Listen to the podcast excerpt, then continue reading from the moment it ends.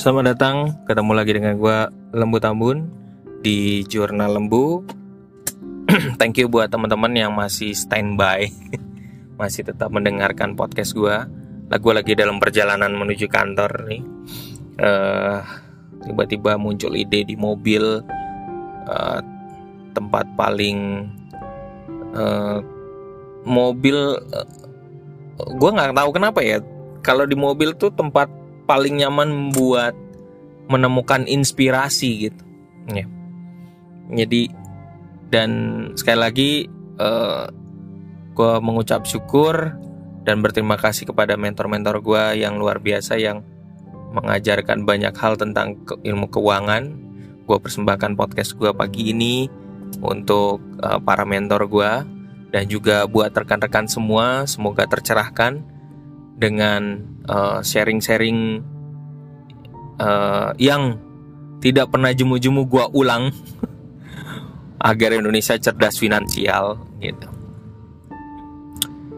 Terlepas dari gue juga nggak sukses sukses sukses banget sih ya, tapi yang paling berasa dalam perjalanan hidup gue semenjak kurang lebih ya tahun 2013 itu pergumulan yang paling banyak banyak hutang gitu. Ya. Pergumulan paling banyak hutang di tahun 2013, terus gue mencoba untuk bertahan hidup, uh, ngatur keuangan, belajar dari para mentor yang sering kasih siaran di radio.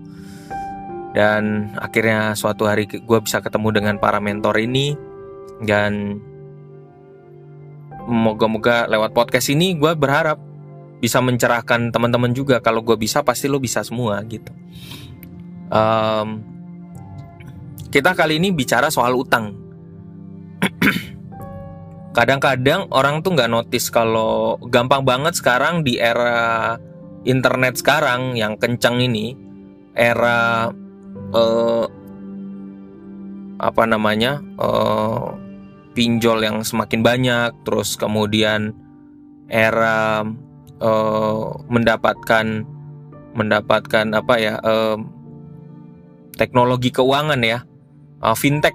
Sorry maaf. Dari tadi gue cari istilah ini susah banget. Financial teknologi itu berkembang banget di Indonesia dan merebak gitu. Sampai ada fintech yang ilegal muncul juga. Tapi juga ada fintech yang legal ya yang resmi ya yang terdaftar di OJK tapi ada juga yang ilegal ilegal ini yang ngeri nih kalau minjemin duit dan segala macam kadang-kadang minjemnya gampang banget cuma dalam beberapa menit. Uh, terus kemudian beritanya tersiar di internet dengan mudah kita untuk minjem gitu. Nah sebelum lo berhutang perhatikan baik-baik ya. Um, dulu orang berhutang itu pakai sebenarnya terbiasa dengan pakai kartu kredit ya.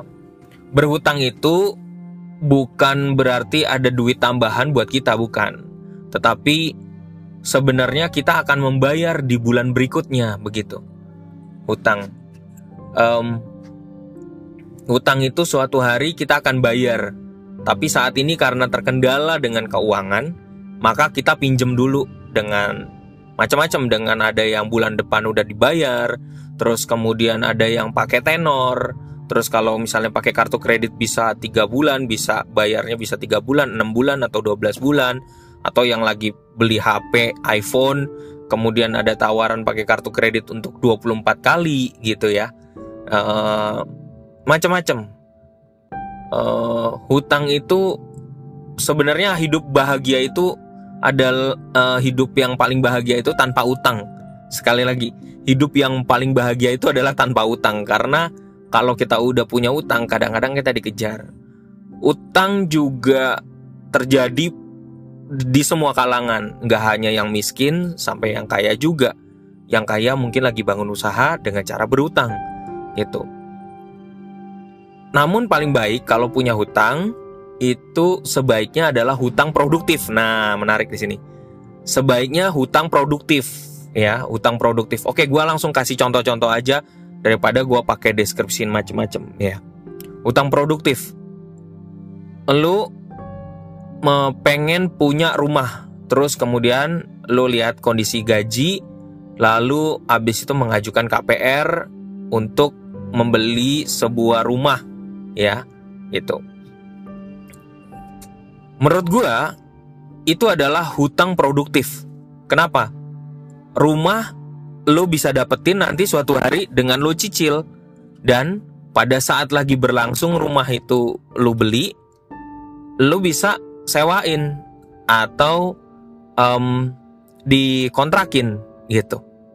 Ya kan? Jadi itu produktif. Seingat gua belajar dari Robert T. Kiyosaki kalau rumah itu dikritik ya kalau salah.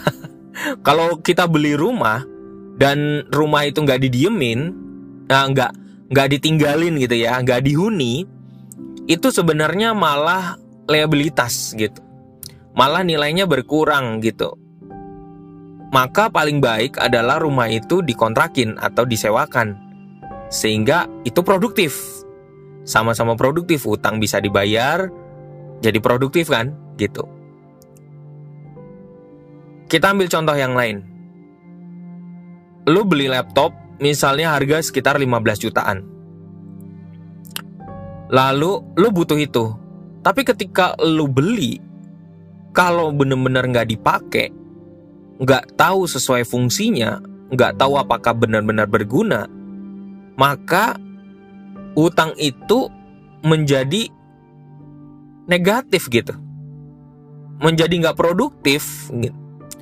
Beda ceritanya ketika Anda beli laptop 15 juta, tapi Anda membuat sebuah konten, menggunakannya untuk menghasilkan uang dengan cara apa pun, ya menjawab survei online, terus kemudian uh, ada mencari kerja tambahan dengan laptop itu, terus kemudian bikin desain-desain, bikin uh, apa uh, untuk untuk kerja freelance misalnya dari dari menerima pekerjaan dari Fiverr, dari freelancer, uh, dari um, ada satu lagi tuh namanya apa ya? Uh, ada da dari Lion Bridge, terus kemudian dari uh, dari yang sering menawarkan untuk freelance uh, kerja dari rumah gitu.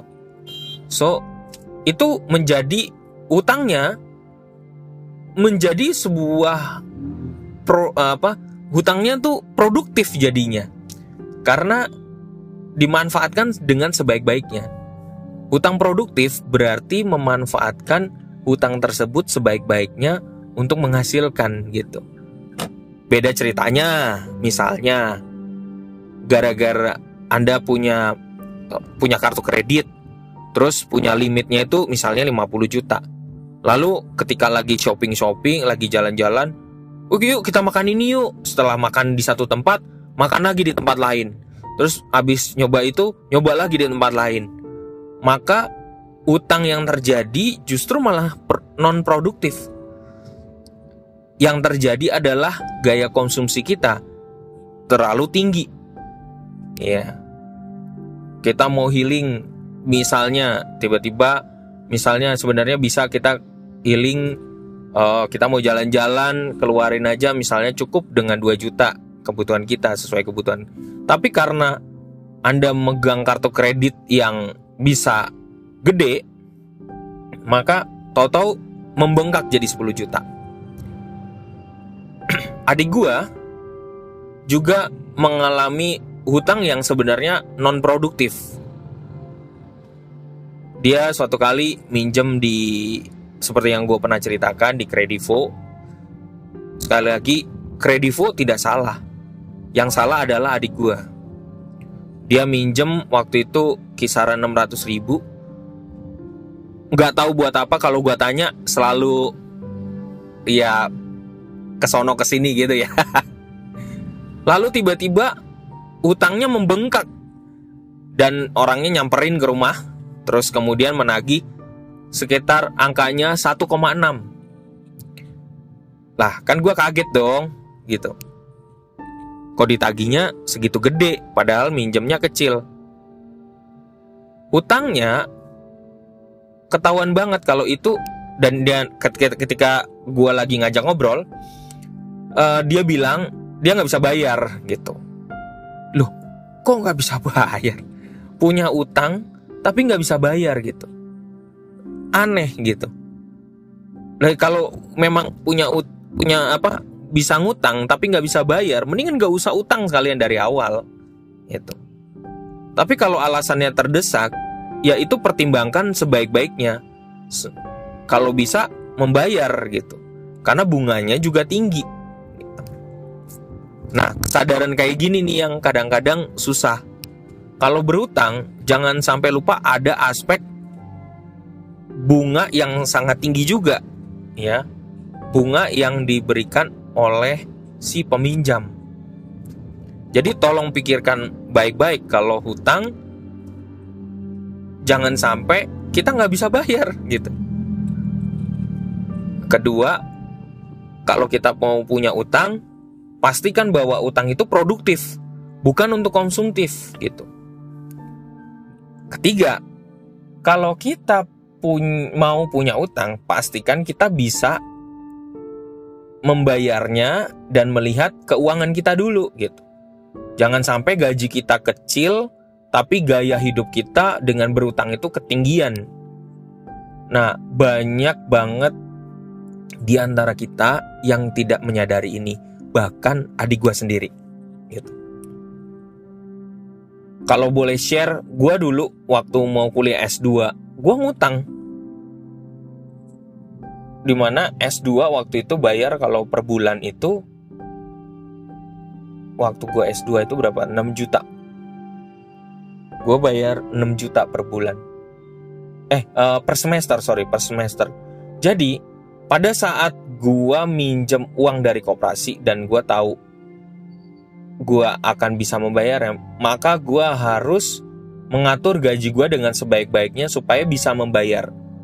Faktanya, faktanya, gua kuliah S2 6 tahun, eh, kuliah S2 2 tahun, salah melulu nih gua. Kuliah S2 2 tahun, tapi gua baru selesai membayar seluruh utangnya tiga tahun. So, it means gue minta waktu itu keringanan supaya gue bisa bayar secara perlahan, tapi konsisten gitu, dan menyelesaikannya. Sekali lagi, hidup yang bahagia itu tanpa utang. Itu itu udah rumusnya. Tapi kalau udah kita terjerat utang, ya hidup kita juga kadang-kadang nggak tenang juga. Kenapa? Karena manusia itu juga punya uh, semacam dorongan moral ya. Jadi dorongan moral itu kayak um, kayak perintah mutlak gitu. Uh, setiap dari kita tuh semacam di otak kita tuh ada semacam perintah mutlak. Kalau kita berutang, sebenarnya kita juga langsung otomatis kita menyadari bahwa kita tuh punya beban, ada hutang yang harus kita bayar gitu. Nah, ada tanggung jawab yang harus kita bayar. Ketika kita menyimpang dan kita nggak bayar, sebenarnya kita bisa acuin aja tapi itu nggak bohong perintah mutlak itu nggak bohong ya dan akan mendorong kita untuk kadang-kadang mengingatnya gitu dari beberapa kasus dengan uh, sharing dari beberapa mahasiswa uh, itu juga cerita demikian bahwa kadang-kadang kalau berutang itu ada beban tersendiri lah gitu. Tetapi selama hutang itu produktif, sekali lagi, selama hutang itu produktif, itu akan membahagiakan gitu. Itu akan membuat setidaknya kita tidak terlalu berat. Semoga hal ini membantu buat teman-teman. Kalau pusing, semoga jangan pusing ya. Itu dan uh, berhati-hatilah kalau mau berhutang karena segala tawaran saat ini banyak banget dan perhatikan baik-baik sebelum berhutang pikir baik-baik pikir 10 kali 20 kali 50 kali pikir berulang-ulang sebelum melakukan hutang gitu. Jangan sampai hutang itu justru nggak non produktif dan akhirnya menjerat kita sendiri. Salam dari gua lembut ambun gua mulai masuk persiapan untuk kerja dulu ya. Terima kasih. Bye bye